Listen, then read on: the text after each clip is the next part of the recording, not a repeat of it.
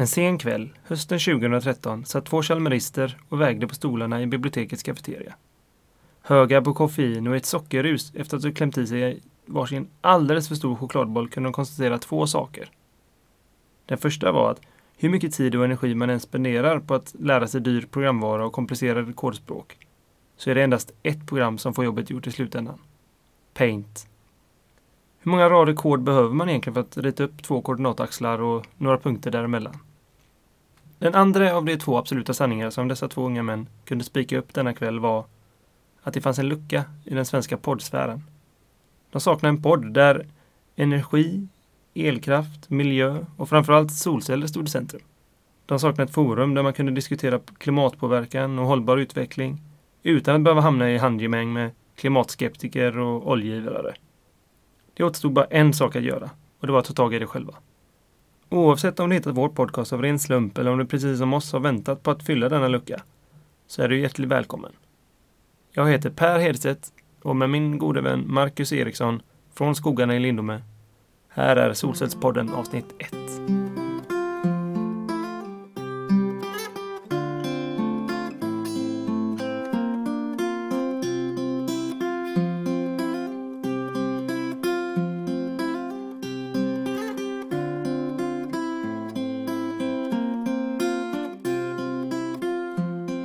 Var väl det att jag var inställd på natur så att det blev väl någon slags sån tanke att nu har jag ändå läst natur så då får jag väl försöka eh, ta vara på det höll jag på att säga och göra någon slags eh, civilingenjörsaktigt.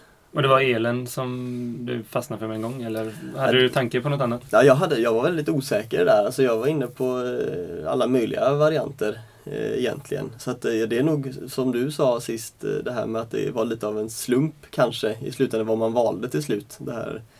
Eh, men eh, ja, elen. Jag, jag fastnade för själva tanken på förnybar energi. Att, alltså produktionen där, att man ville lära sig mycket om hur det fungerar för det kändes väldigt spännande ämnet i sig. Eh, och det finns, ja, alltså egentligen så är det så att själva grundtanken om att jag faktiskt ville hålla på med energi kom när jag satt på, på en färja mellan Kina och Japan om jag ska vara ärlig. Jättekonstigt. Men när jag satt och eh, åkte en båt där över, den tog en 48 timmar eller något, så jag hade lite tid att tänka där. Så då eh, satt jag där och tittade ut eh, över eh, vattnet kommer jag ihåg. Och så eh, var det väldigt mycket vågor just då. Och då tyckte jag att, äh, ja, var, så tänkte jag, men det var ju spännande, det här energin, vad mycket energi det måste finnas i de här vågorna. tänkte jag. Eh, och då började hjärnan den här snurra på det lite grann. Ha, energi är ju spännande. Och hur kan det, så här, hur går det här till och kan man inte ta vara på den? Och det finns ju vågkraft hade jag hört talas om och funderat på lite och sådär. Så att på den vägen var det att jag liksom eh, tyckte att eh, det lät ju spännande och sen så har den tanken den växt långsamt men säkert och så blev det energi och elkraft till slut nu i slutändan då. Så att, eh, lite konstigt, det kan komma från var som helst sådana där, såna där idéer. Hur tycker du att studie, studietiden har varit då? Du, du är inne på sista året här nu. Och, Ja. Jag tycker den har varit fruktansvärt tuff om jag ska vara ärlig. Väldigt, väldigt jobbig. Eh, alltså studierna har varit väldigt, väldigt krävande. Eh, och eh, personligen nu när man tänker lite grann i efterhand skulle man nog gärna kanske kört ett lite långsammare tempo och, och kanske lagt till alltså ett år till på eh, den här utbildningen. Att man skulle läst lite långsammare så man inte hade varit så stressad. Men eh, å andra sidan, det är ju självklart skönt att när det väl, nu är jag ju precis i sluttampen, det är alltid skönt att ha det bakom sig. Men eh, ja, det har varit eh, mäckigt. Men mm det är roligt att alltså, det som driver den är ju ändå att ämnena tycker man alltså är ju roliga. Majoriteten av kurserna har varit roliga. Och det är det som, man, kan ju, man får ju aldrig bara bra kurser. Det är ju så. Eller vad säger du? Det, Ja, men- det är sen- väldigt svårt att bara få de kurserna Mm. man bara själv vill ha. Det hade ju varit svårt att, jag tror det hade varit svårt att dra ner på tempot medan man pluggar. För Mm. att alla andra hasar sig upp i ett tempo. De första åren så går man ju väldigt tätt ihop med alla andra.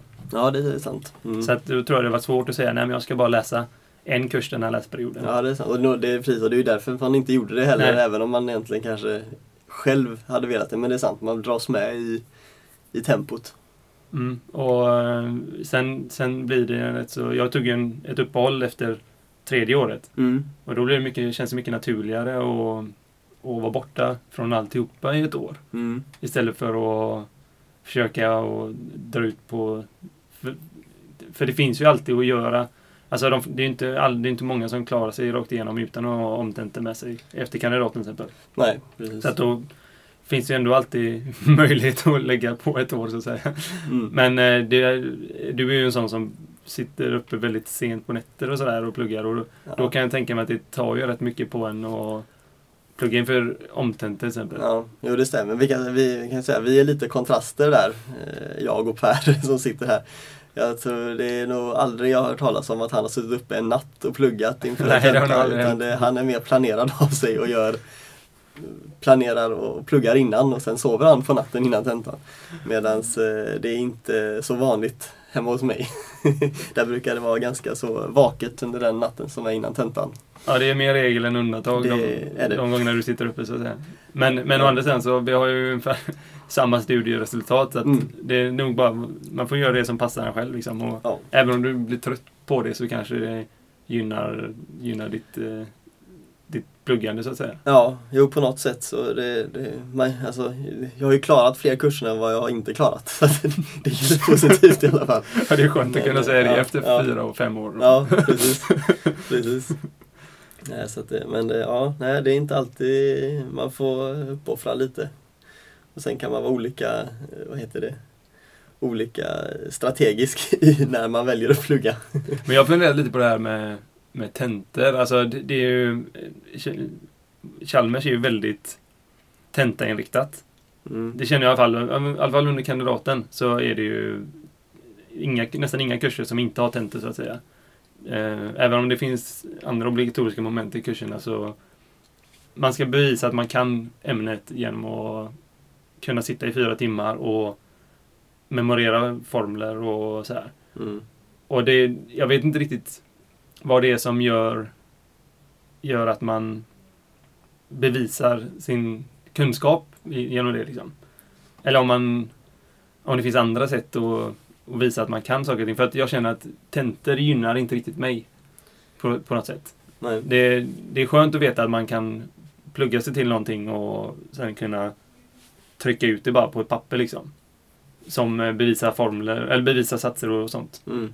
Det är ju rätt så tacksamt att bara memorera någonting och sen spotta ut det på ett papper och sen inte komma ihåg någonting dagen efter. Nej, precis. Men eh, sen vet jag inte vad det är som... Om det har funnits- bättre sätt att visa att man kan saker och ting på. Till exempel genom praktiska moment eller labbar eller... Mm. Nej, det är en bra fråga, men det har man ju frågat så många gånger faktiskt. När man sitter där liksom. Så, så här, det, det visar ju egentligen inte så mycket att man sitter och spottar ut. Visst, det visar, visar eh, just ämnet en vecka senare efter tentan när man har präntat in det som jag då under en natt. Eller ja, jag har pluggat mer än under natten men, men att det alltid blir så att man trycker in det sista under natten.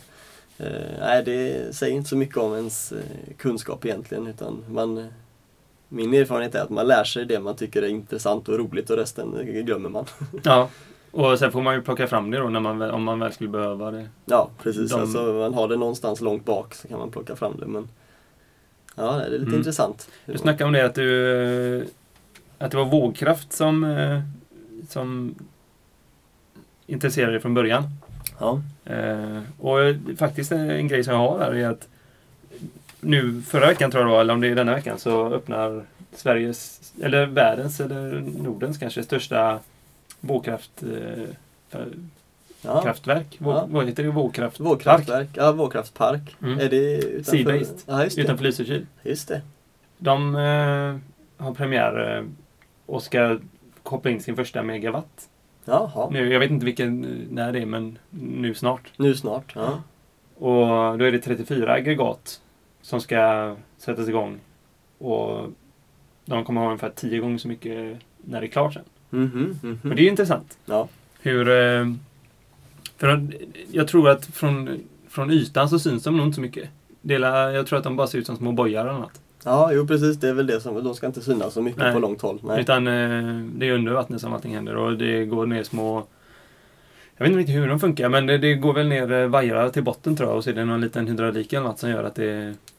Ja, precis. Att det- Det... det är väl en sån, om det är de här, ja, jag har läst lite om dem också. Det är just det här att på botten sitter en stor klump kan man säga och så åker det en, eh, någon kolv av något slag upp och ner och så genereras elen i och med de vågrörelserna där. Mm. Det är ju väldigt, väldigt spännande. Nästan som man får åka dit och titta någon gång när de, om de har uppe ett hus eller så. Ja just det, det kanske blir ett poddavsnitt av Ja, detta. det tycker jag. Ett studiebesök på vågkraftparken. där. Jag, jag har, tidigare har jag läst lite om just den här eh, vågkraftparken och jag förstår det som att det var ett samarbete mellan Fortum och, och jag tror det är Uppsala universitet. Mm, precis. Eh, ja, som eh, driver detta. Jag vet att Uppsala är väldigt eh, drivande just i vågkraft och även strömkraft. De är lite nytänkande tycker jag. Jag tycker det är roligt att... Ja, ja det vatten, finns- vattenström Ja, menar du? vattenström. Ja, precis. jag tror du menar elektrisk Nej, nej, ström. inte- ja, det, precis. det är ju Det- bra att vara bra inom det. Ja precis, strömkraft ja.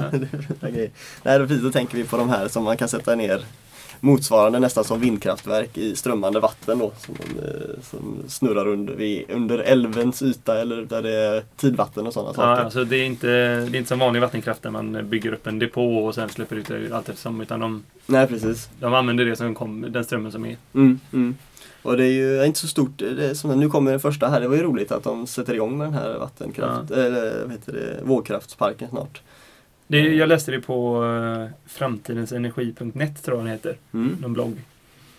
Och eh, det stod även att de skulle bygga flera fabriker i, i, i Sverige. Eller närmare, om det är vid samma område kanske. Men eh, att de även funderar på att bygga mer fabriker utomlands för att slippa transporterna. Jaha, För att det om, om man har något som in, kanske inte genererar jättemycket energi. Det är ju liksom som sagt 10 megawatt totalt. ja. Det är ju ett halvt vindkraftverk typ. Mm. Är det inte det? Nej, nej, nej, nej, är- nej, nej. Förlåt. Eller vad det, nej, du? 20, 10? 10, Vad- vad- 2 vad- megawatt kan brukar Vad var det vindkraftverk som var 10 megawatt? Totala, vad de ska ha totalt sen i Lysekil. Ja okej. Mm. Hur många vindkraftverk är på 2 megawatt? Ja, Nej. det är väl standard ungefär. ja, just det. Så är det. Ja. Ja, Jag hade en 10 potens fel. Ja. Men, eh, men eh, för att slippa transporterna och sådär, för det är fortfarande inte...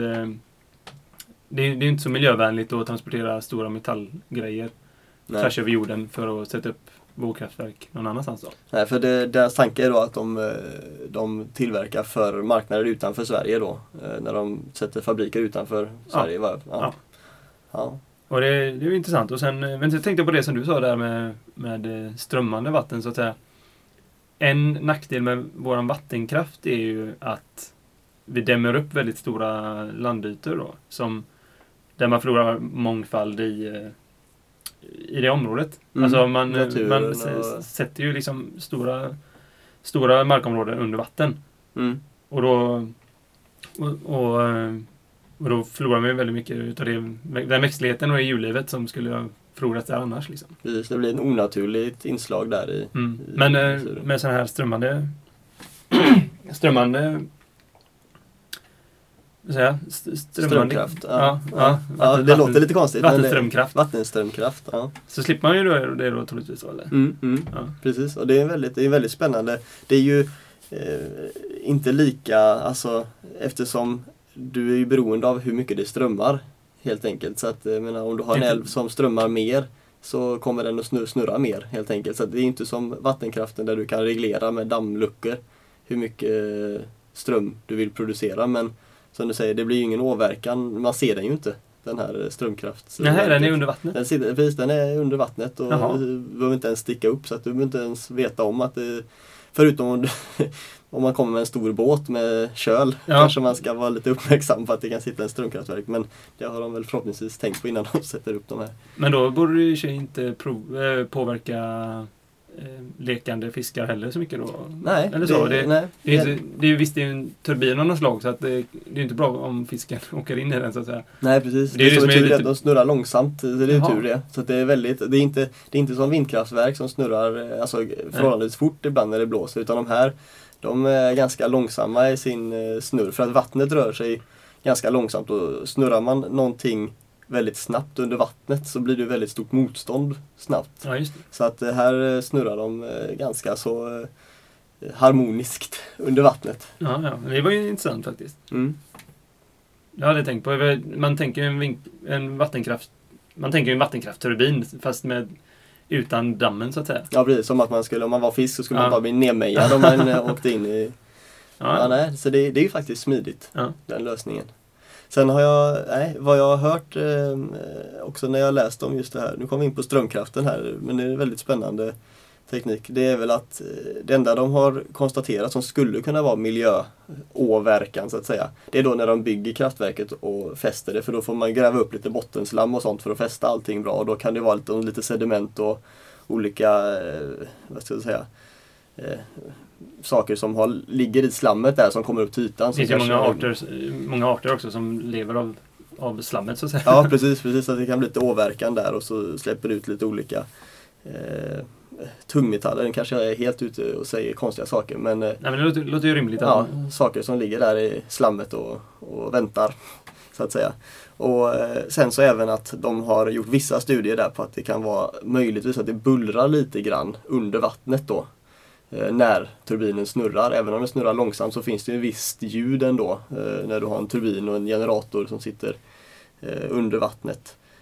Men de har inte sett att det skulle ha påverkat något speciellt men det är ändå någonting som de menar på att det måste man undersöka vidare så att inte fiskarna får fnatt och simmar åt ologiska håll eller vad det nu kan vara för någonting. ja, det var ju det var intressant.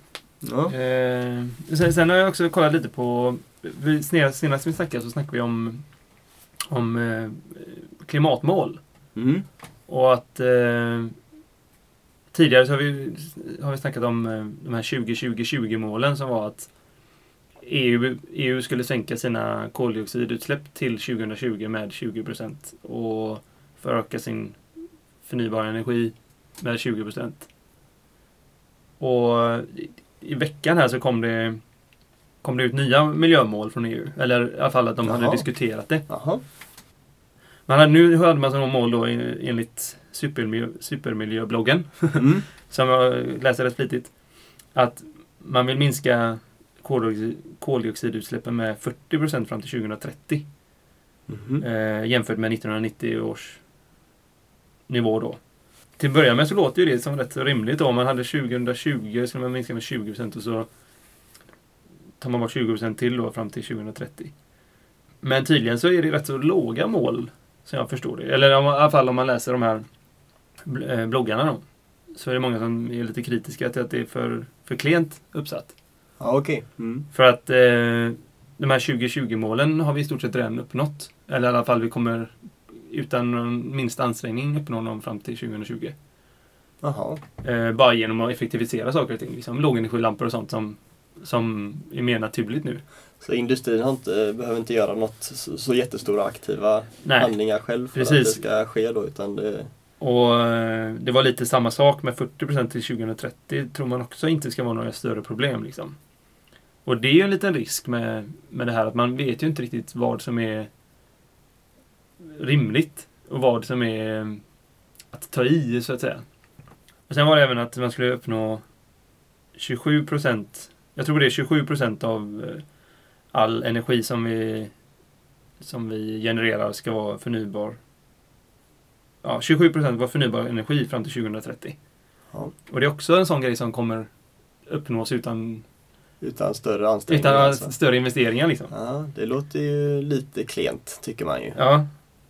Men eh, det var roligt för då hade eh, Miljöpartiets riksdagsledamot Lise Nordin hon hade, hon hade varit på studiebesök i Norge eller eh, på någon konferens eller något.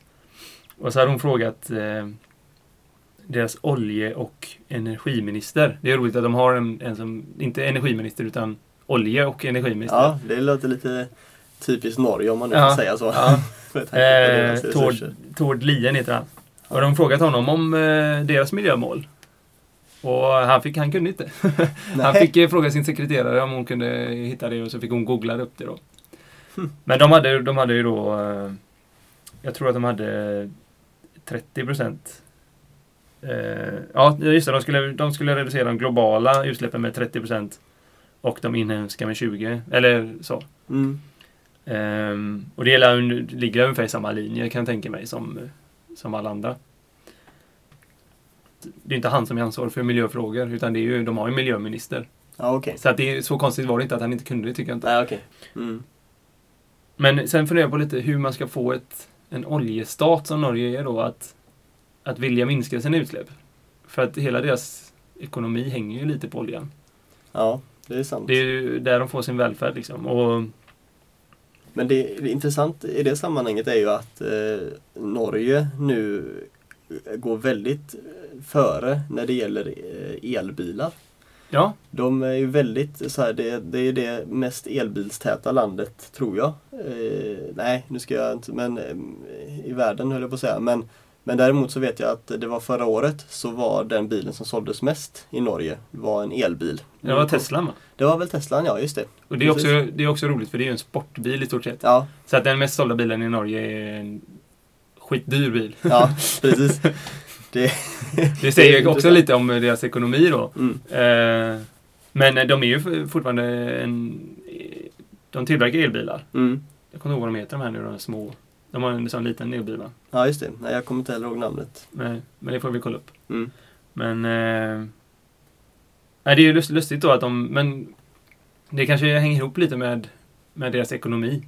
Att eh, de, kan sat, de kan satsa på elbilar som inte är en jättebra investering just nu då. Eller det är, det är en bättre investering nu än vad det var tidigare. Mm, Men det är fortfarande väldigt mycket i utveckling. mm. Jag känner lite att jag skulle jättegärna köpa en elbil om jag hade haft råd. Men den tappar ju väldigt snabbt i värde alltså, eftersom att ut, tekniken utvecklas så mycket. Ja, precis. Det är det man riskerar med att köpa el och gå före och köpa elbil. Det som de har gjort i Norge som är väldigt spännande tycker jag och som jag tycker att vi är lite dåliga på i Sverige som vi borde följa efter. Det är att el, om du köper en elbil i Norge så får du en väldans massa fördelar.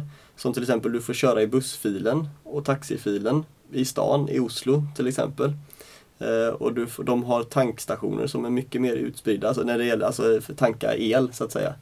Eh, och eh, det finns lite andra fördelar som jag inte kommer ihåg nu riktigt men men eh, jag kan tänka mig om du sitter, säg kan du sitter i kö på, nu jämför jag med Göteborg här, sitter i kö på E6an och ska in till jobbet, pendlar in till Göteborg.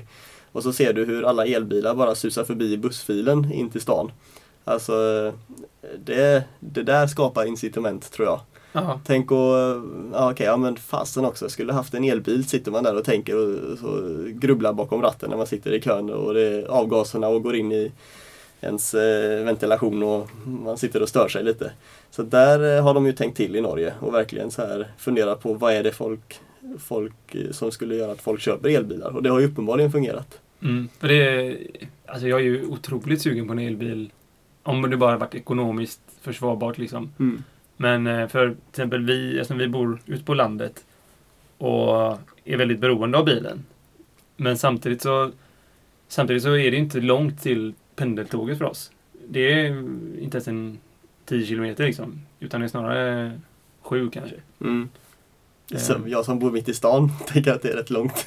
Ja, men jo, jo, men det är ju långt. eh, Det, eftersom att det, det jag som ju... bor i stan säger jag, men Ja. jag som bor eh, f- 50 meter från min hållplats. Ja, precis. Så att det, det, det är ju ingen gångavstånd. Nej. Så att man måste ju, antingen så får man cykla och det är Mm. inte så roligt nu när det är massa snö och samtidigt som jag är rätt så trafikerad väg så att man, eh, man är inte jättesugen på att cykla den sträckan.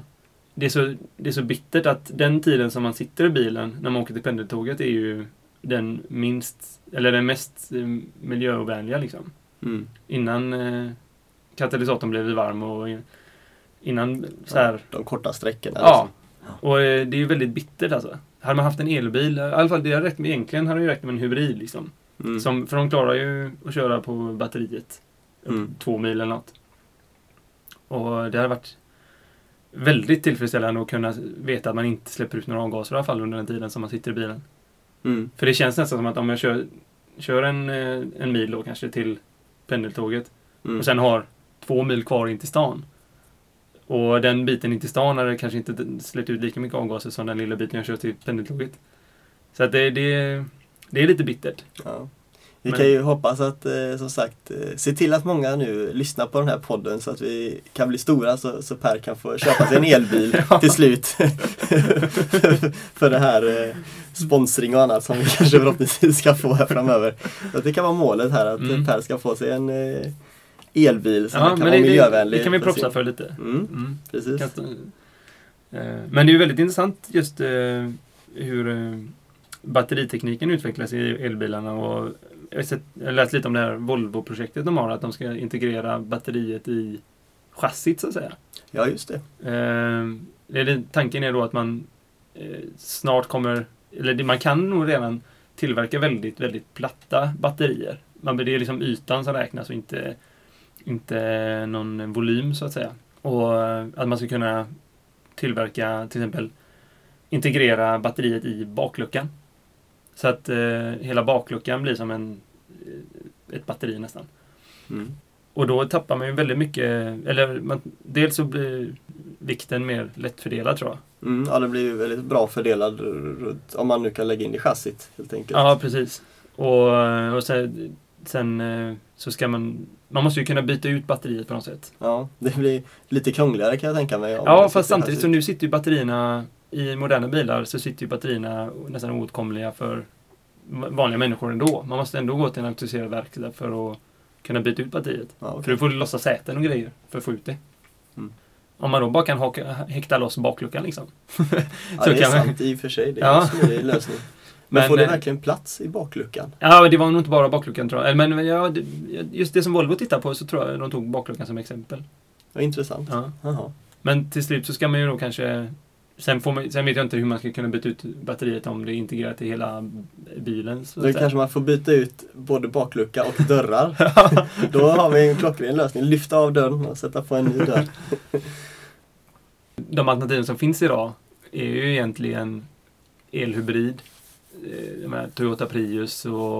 Ja, den är ju väldigt populär alltså. Ja. Den ser man ju eh, då och då. Eller Ja. det är den enda man känner igen eh, kanske. Ja, men andra som- mina svärföräldrar har en sån. Och Jaha. den, eh, den är ju jäkligt... eh, Är du avundsjuk?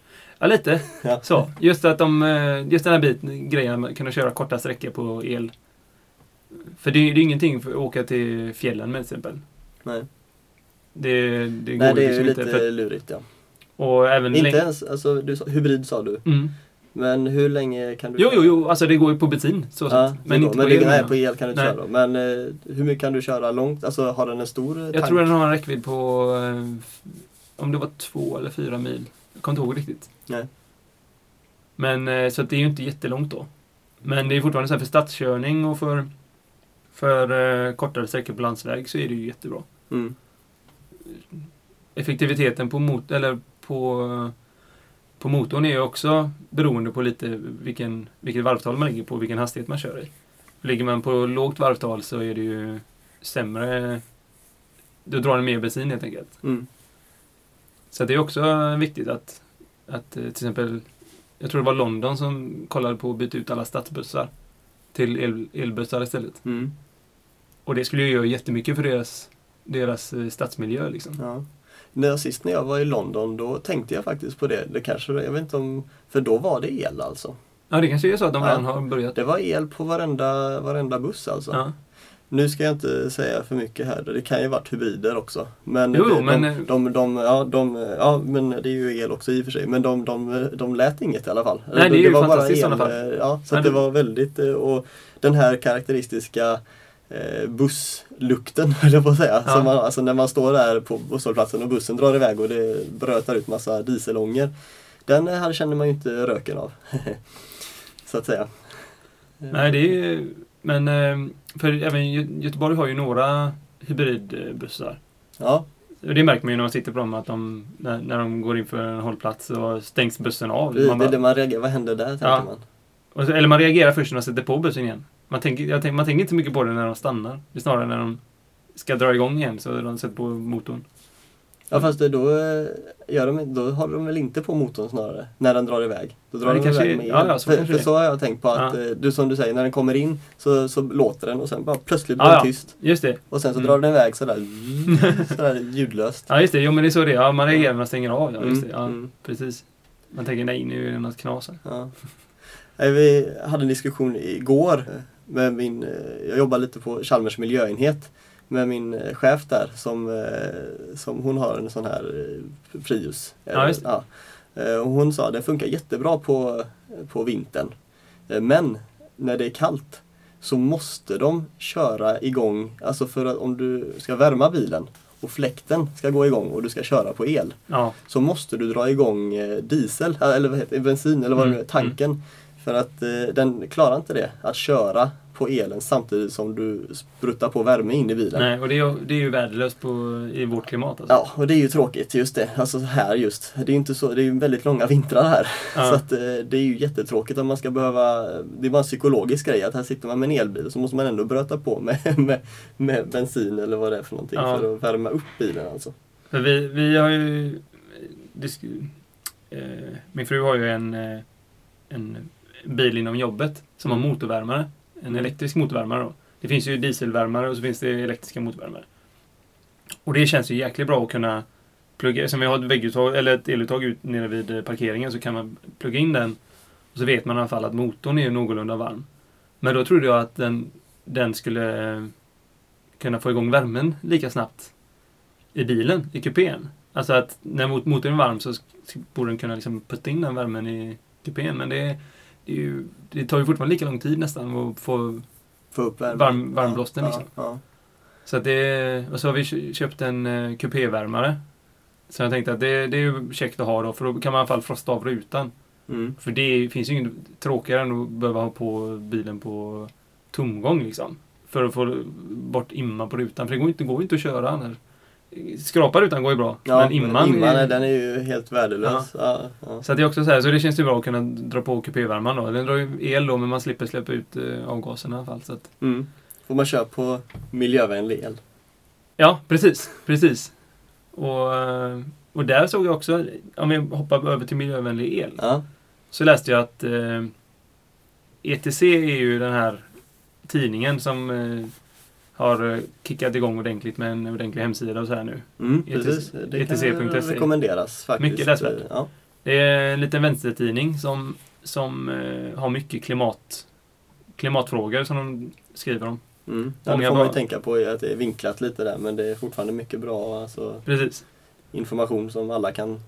Om man är intresserad av miljö och klimat och sådär så är det i alla fall, även om det är vinklat så är det skönt att kunna hitta någonstans och få nyheterna liksom. Mm. För det, men i alla fall, de, de har startat ett, eh, ett elhandelsbolag också. ETC el va? Ja, precis. Mm. Där eh, de garanterar, jag tror att de garanterar att allt är sol, kommer från solel. Jo men det låter rimligt för Ja. eh, han som driver det hela där han, de, han har ju solcellsparker Ja, som han även säljer andelar i va? ja precis. Och så såg jag att man kunde, om man, de, de kör på på, eh, de kör inte på fast pris utan de kör på rörligt pris då för att det ska tydligen vara billigare. Vilket jag tror att det är. Och eh, om man betalar lite extra så så kunde man jag tror, jag tror man fick eh, sitt, sitt namn ingraverat på en solcell eller något sånt. Oj oj oj. ja, ja, det var värst. Det är bra det, incitament Det, det, för- där får man slå till direkt alltså. Var, bra var, incitament för var, var nördar. sitter den solcellen? Ute i skogen någonstans? Nej, jag vet inte. Det är att någon av deras parker tror jag. Ja, Ja. spännande. Ja. Jag antog, jag tror det var seriöst. Ja. det, det stod på hans krönika, han Johan Ja, Ehrenberg. Ehrenberg ja. Men det var en lite rolig ja, grej. Det, mm. Eh, det lockar kanske bara nördar som oss då. ja det, det, det tror jag också. Men jag, jag tror inte det bara var att man fick en eh, solcell ingraverad utan det var något annat också. Att man, jo, så var det. Man, eh, om man betalade 10 kronor extra i månaden så så skulle det garantera att det räckte till investeringar i nya solceller. Man, inte bara att man betalar för att få el, solcellsel utan även att det investeras i nya då. För att, Hur gynnas man själv? eh, nej, det var mer att, mer att eh, En schysst grej liksom. Ja, alltså, jag vet inte, jag, jag, jag läste på dåligt där. Ja, okej. Men jag tror att det, var, det, det skulle i alla fall vara för att de skulle kunna investera i fler solceller. Mm. För att de inte skulle göra så mycket vinst eller något sånt på, på själva elhandeln. Ja, okej. Vad är solenergi då? Vad, vad, vad är det som, eh, de här svarta plattorna som sitter på taken, vad är det för något? Ja, ja, precis. Vad är det för någonting? Eh, det är ju det är helt enkelt så att eh, de här plattorna man kan sätta på taken de kan antingen producera elektricitet eller så kan de så att säga fånga upp värme och putta in det dit man nu vill ha den. Och Det är lite olika tekniker på det. Oftast så blandas dessa ihop. Det är väl den vanligaste missuppfattningen vet jag inte utan men, men att det det man, man vet inte kanske alla som, nu finns det väl kanske en hel del solcellsintresserade som lyssnar på detta som vet hur det ligger till här men vi kan ju ändå dra den att, att solpaneler som det heter då eller solvärmepaneler kontra solceller eh, eller solcellspaneler. Det är två skilda saker. Så solceller de producerar el och eh, solvärmepaneler eller solpaneler. Solfångare kan man Solfångare kan man också säga. De, de producerar värme. Eh, där solfångare eh, då, de, de producerar värme genom att något form av medie, eh, det kan vara vatten, eller säga, kanske inte alltid vatten, men något annat, någon annan blandning med glykol kanske så att det inte fryser, cirkulerar i de här panelerna som ligger på taket och värms upp och sen så trycks det ner i någon slags, antingen förvarar man det, alltså sparar genom en sån här tank som man kan lägga det i som en ackumulatortank. Eller så värmer man en pool eller så värmer man direkt någonting så det bara cirkulerar. eh, Det är ju egentligen samma system som ett eh, vanligt vattenburet. Ja. Eh, alltså, man kan ju ha direktverkande el i elementen eller ska man ha vattenburen värme så att säga. Så att man använder el eller, eller ved eller en annan panna eller något för att värma ett medie som cirkulerar i, i rören. Som sen går in i våra element. Och Precis. Ehm, Men det är egentligen solceller som vi som vi eh, kan och lite är intresserade av. För att det, Precis. Det är för att det, det, det har ju, eftersom vi läser elektroteknik och elkraft just är vår lilla inriktning här då, så det är klart att då blir solceller där det produceras el ja, eh, lite mer naturligt att ha kanske grötat ner sig och det har vi gjort. ja. Och det finns ju många olika typer av solceller. Det finns ju de som är de vanligaste som man brukar se på hustak och så är ju kiselbaserade. Och kisel är ju egentligen ett det är ju ett grundämne som vi har väldigt mycket av. Det är ju alltså i grunden alltså sand så att vi har ju våra öknar runt om som, Mm. som i princip är kisel i grunden. Så att eh, det är inget så scarce material som man säger, alltså sånt eh, den engelska termen som alltså att, den är, eh, att det finns en bristvara, brist på detta precis. Nej. Och sen en väldigt intressant aspekt som slog mig nu i veckan är ju att det finns ju fortfarande, de här solcellspanelerna görs ju, det är ju inte bara kisel utan det är ju massa andra ämnen som man har i och ehm, Ja, det är viktigt det, det är, vi har några kompisar som gör en, en eh, livscykelanalys på solceller. Som sitt exjobb då. Ja, Mm. och där är det ju en massa andra material som faktiskt vi har väldigt lite av. Ja, det stämmer.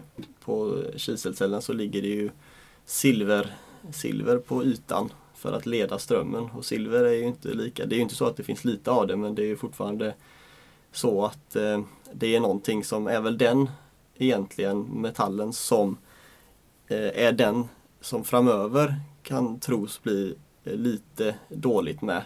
Det är första metallen som man kommer kunna fundera på att vi måste ändra, byta till någon annan metall när det gäller solceller just. eh, Som, I och med att kiselcellerna är de som tillverkas i så stor skala runt om i världen så är det, och det är silver som är det vedertagna så att säga, materialet för att leda strömmen på ytan så är det där vi kan få en brist. Och det bristen ligger väl i snarare kanske det att ekonomin inte blir så bra om du använder så mycket silver så att du till slut blir för dyrt.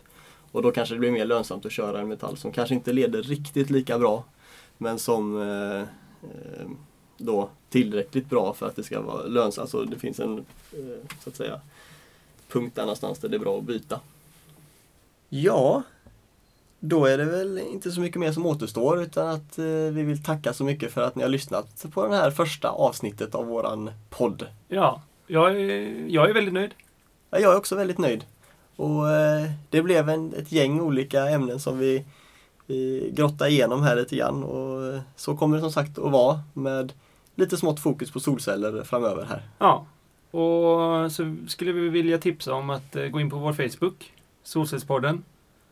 Där eh, ni hittar eh, lite länkar och källor och Precis, vi har tänkt och där lägger vi upp eh, eh, källor till eh, vissa grejer i alla fall av det vi pratar om. Det Ja. som vi tycker känns relevant. Eh, och här kan vi passa på att säga att det här med att rätta oss om ni tycker vi har fel är ju klockren möjlighet att göra här på vår Facebook. Och då kanske vi måste vara ännu noggrannare med våra källor så vi inte bara häver ur oss saker och ting. För det är ju väldigt viktigt och det är där vi vill jättegärna ha en dialog med er lyssnare. precis. Och så kanske vi får lägga upp en bild också på hur vi ser ut. Ja, just det. Ja, Vågar vi det? ja det får vi nog göra. Ja, det får vi göra faktiskt. Ja, det får ni. Den bjuder vi på. Ja. Ja, det, det kanske känns rätt normalt. Och i fortsättningen så har vi tänkt att komma ut kanske med en podd eh, varannan vecka till att börja med, så får vi se. Ja, precis. Det är målet att vi Ja. försöker köra varannan vecka. Eh, ja, Mm. Så att, eh, tack så mycket för denna gången. ja Så, tackar så mycket så eh, Hörs vi nästa gång. hörs vi ja. Precis, eller ni hör oss och eh, så vidare. Ja. Ja, hej.